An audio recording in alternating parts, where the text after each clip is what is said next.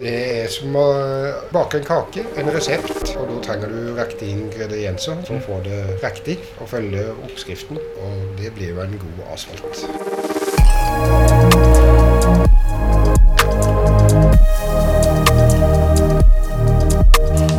Det skal altså handle om asfalt i dagens episode.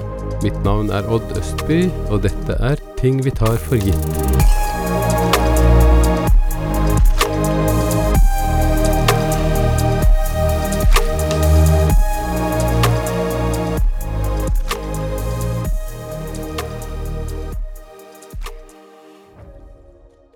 Asfalt er overalt rundt oss, det er sannsynligvis det første du møter når du går ut av døra. Det er på sykkelstier, det er på veier, det er på parkeringsplasser, på rullebaner. Overalt er det asfalt. Dette er noe som det er lett å ta for gitt, men asfalten har sin historie, og den fortjener å bli fortalt. Som sagt er det asfalt overalt rundt oss, men slik har det ikke alltid vært. For en 70–80 år siden var de fleste veiene grusveier. Nå kan vi ikke tenke oss et samfunn uten asfalt, og et moderne samfunn vil ikke fungere uten asfalt.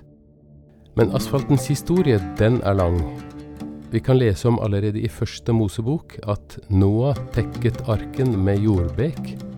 På latin kalles jordbek bitumen, og det er et ord som går igjen i denne podkasten. Bitumen, det er jordbek, det er den tjukkeste form for olje som asfalt lages av. Og i andre Mosebok kan vi lese at korgen som Moses ble lagt i Nilen i, den ble også tekket med jordbek. Og i Babylon fant man for litt siden en asfaltert vei som er 3000 år gammel. Og slik kan vi fortsette å fortelle om asfalt som ble brukt både som bindingsmateriale og i andre sammenhenger opp gjennom historien. Jeg er nokså nysgjerrig av meg, og jeg hadde veldig lyst til å finne ut hvor asfalten egentlig kommer fra i dag, så derfor så tok jeg turen til et hypermoderne asfaltverk på Rugsland i Birkenes kommune. Det er NCC sitt anlegg som ble innviet i 2020. Der fikk jeg greie på hvordan asfalt produseres i dag.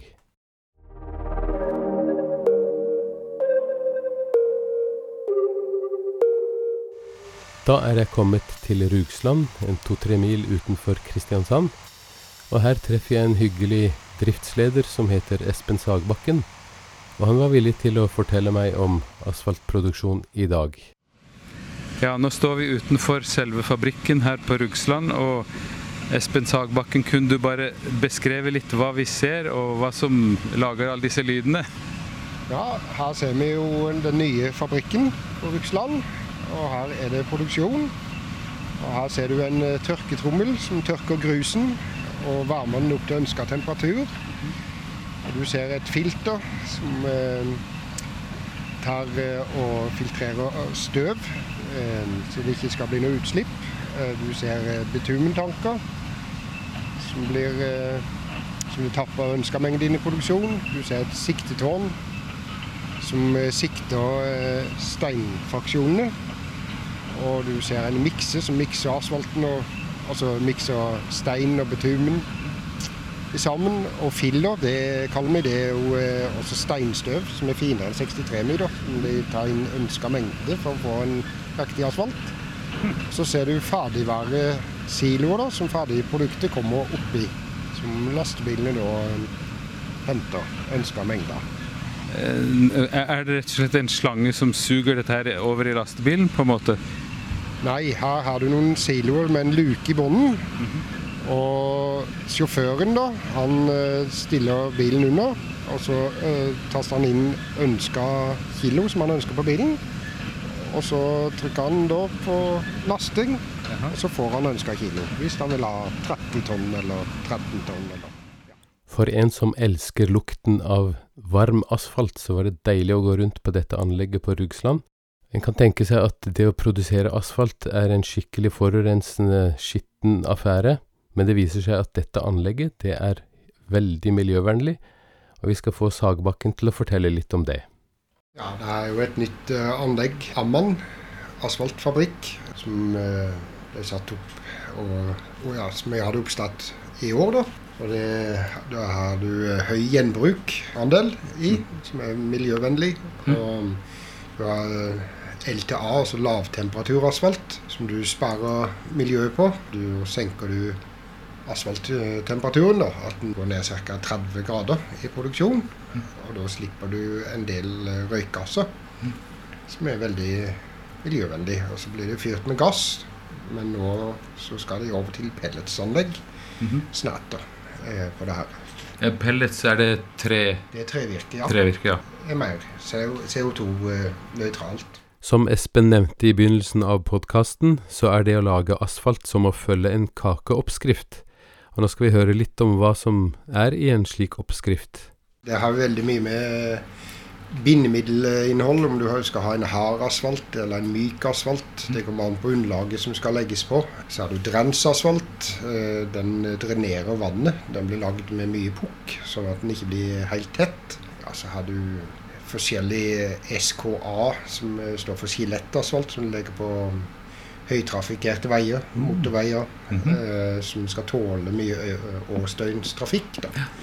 Eh, Den er veldig slitesterk, med veldig god stein og god eh, olje, altså bitumen, som vi kaller det. Mm. Som er gjerne plastmodifisert bindemiddel, som gjør den ekstra god.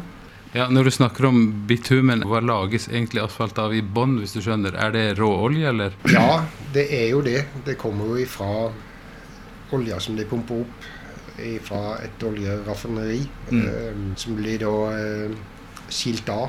Altså i bunnen av det her da ligger det jo asfalt, Mm.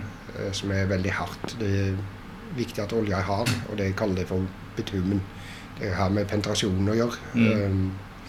Og så har du jo mykere og mykere jo høyere opp du kommer til diesel, bensin, Ja, parafin. Ja. Før jeg forlot anlegget på Rugsland, så spurte jeg Espen om hvor mye asfalt som ble produsert der hvert år. Og i fjor, i 2020, kunne han fortelle at det ble produsert 170 000 tonn.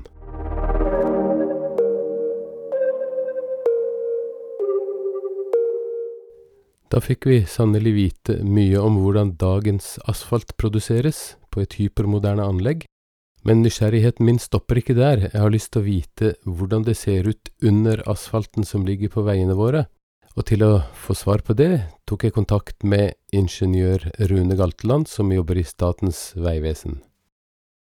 Du, spør veldig godt, egentlig. fordi at eh, jeg tror du ville blitt overraska hvis vi fjerner asfalten på de forskjellige tingene som du nevner der.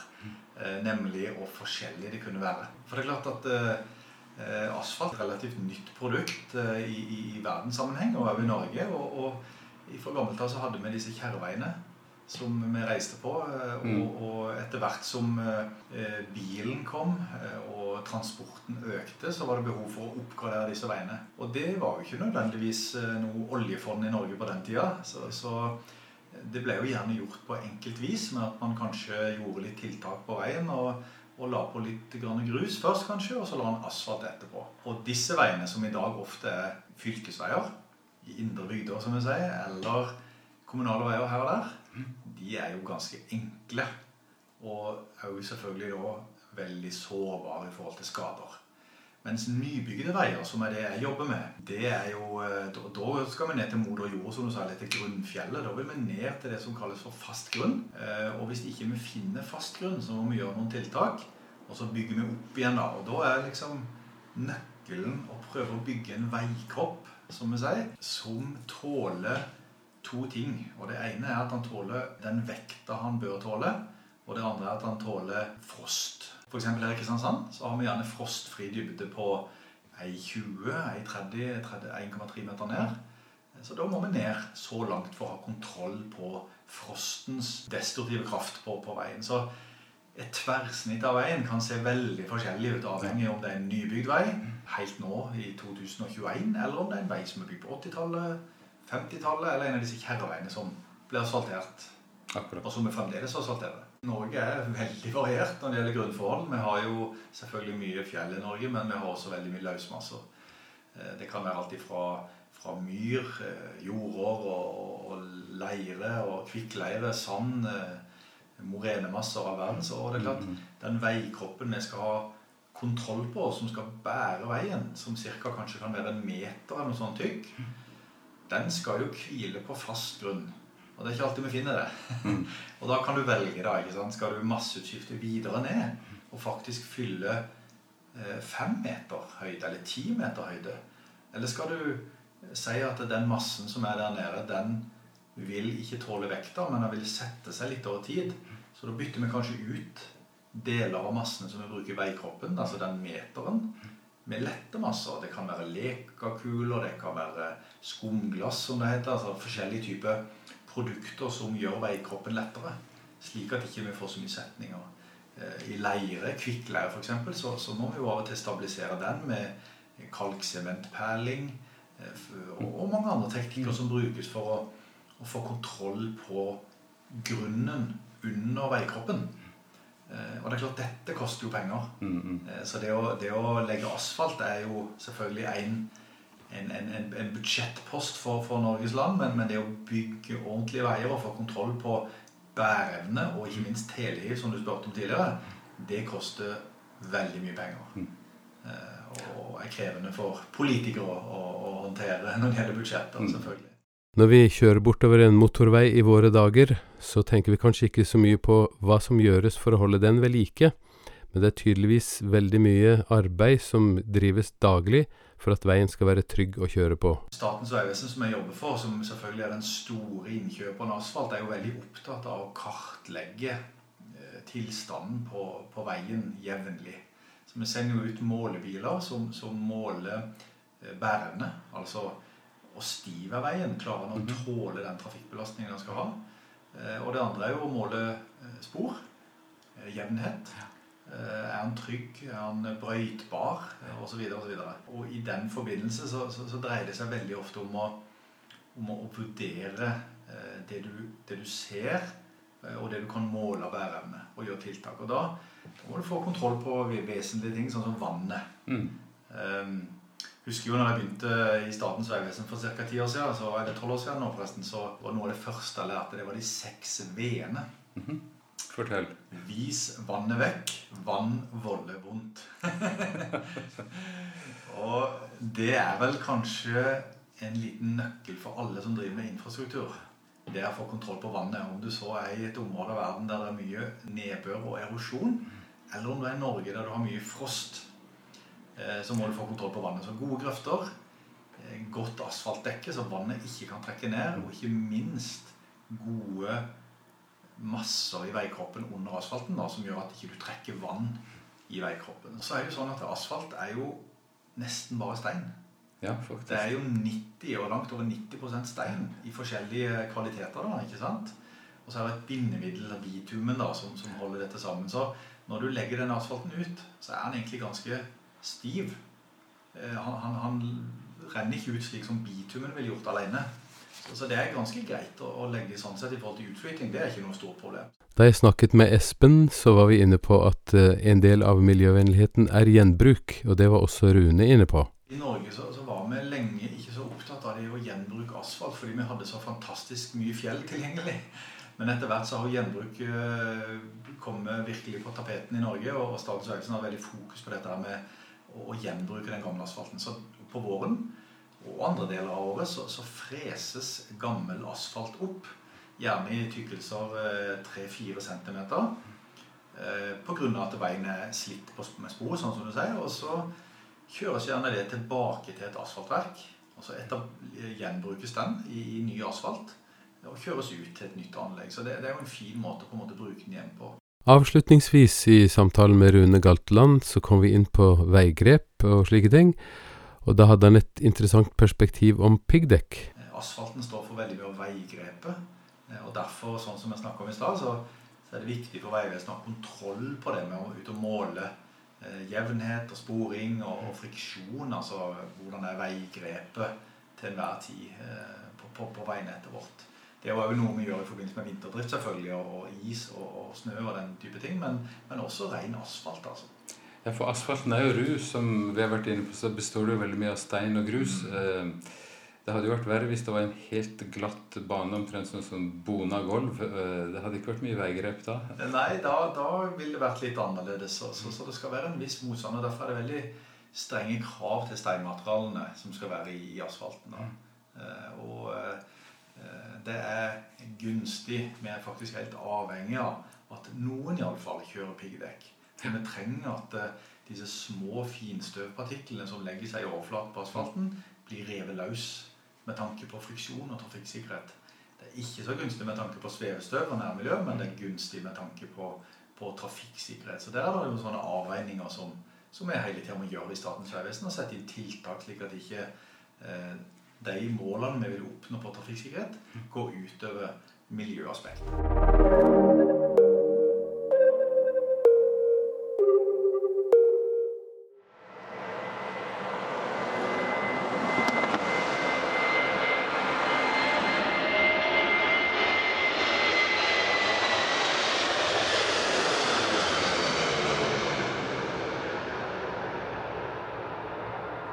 Som nevnt er asfalt overalt rundt oss, og under oss når vi letter med et fly. Jeg spurte både Espen Sagbakken og Rune Galteland om de hadde noe greie på asfalt på rullebaner, men det hadde de ikke så mye greie på, og det er en god egenskap med skikkelige fagfolk at de uttaler seg ikke om ting de ikke har greie på. Derfor tok jeg kontakt med Arne Christensen, som er utrykningsleder for Avinor på Kjevik flyplass. Og der fikk jeg vite at asfalten som ligger på rullebanene, det er av en veldig høy kvalitet.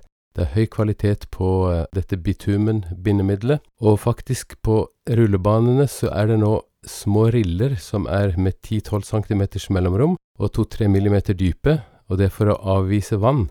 Og det har vist seg å være veldig effektivt, for det er fryktelig viktig at rullebanen er fri for vann når flyene lander og letter. Så asfalt er faktisk en helt nødvendig ting når det gjelder også luftfart i dag. Nysgjerrig som jeg er, så spurte jeg utrykningsleder Arne Christensen også om flyene, om de synker ned i asfalten når de står på parkeringsplassen på flyplassene.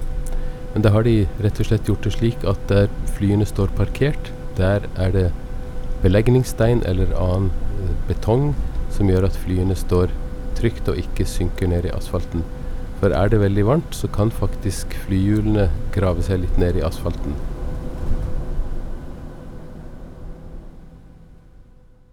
Jeg håper du har lært en del om asfalt ved å høre på denne podkasten. Det har i alle fall jeg. Det var interessant å få vite litt om hvor asfalten kommer fra, hvordan den produseres, og hvordan det ser ut under veiene der vi ferdes. Men som pessimisten sier, aldri så godt at det ikke er galt for noe. Det har vi sett i den senere tid, at der hvor store områder legges under asfalt, i storbyer og andre steder, så har det lett for å bli flom når det kommer mye regn på en gang. Og det blir store ødeleggelser og mye nød. Så det er viktig, som Rune Galteland var inne på, vis vannet vekk. Vann volder vondt. Og det ser en i flere og flere storbyer nå. Når det bygges nybygg, så legges det tak som kan ta opp vann. De sørges for at uh, store områder er grønne, slik at vannet kan suges opp, osv. Så, videre. så det er viktig å håndtere dette gode på en fornuftig måte. Da vil jeg til slutt takke Espen Sagbakken, Rune Galteland og Arne Christensen for innsiktsfulle bidrag i denne podkasten. Mitt navn er Odd Østby. Abonner gjerne på Ting vi tar for gitt, der du finner dine podkaster. Takk for meg.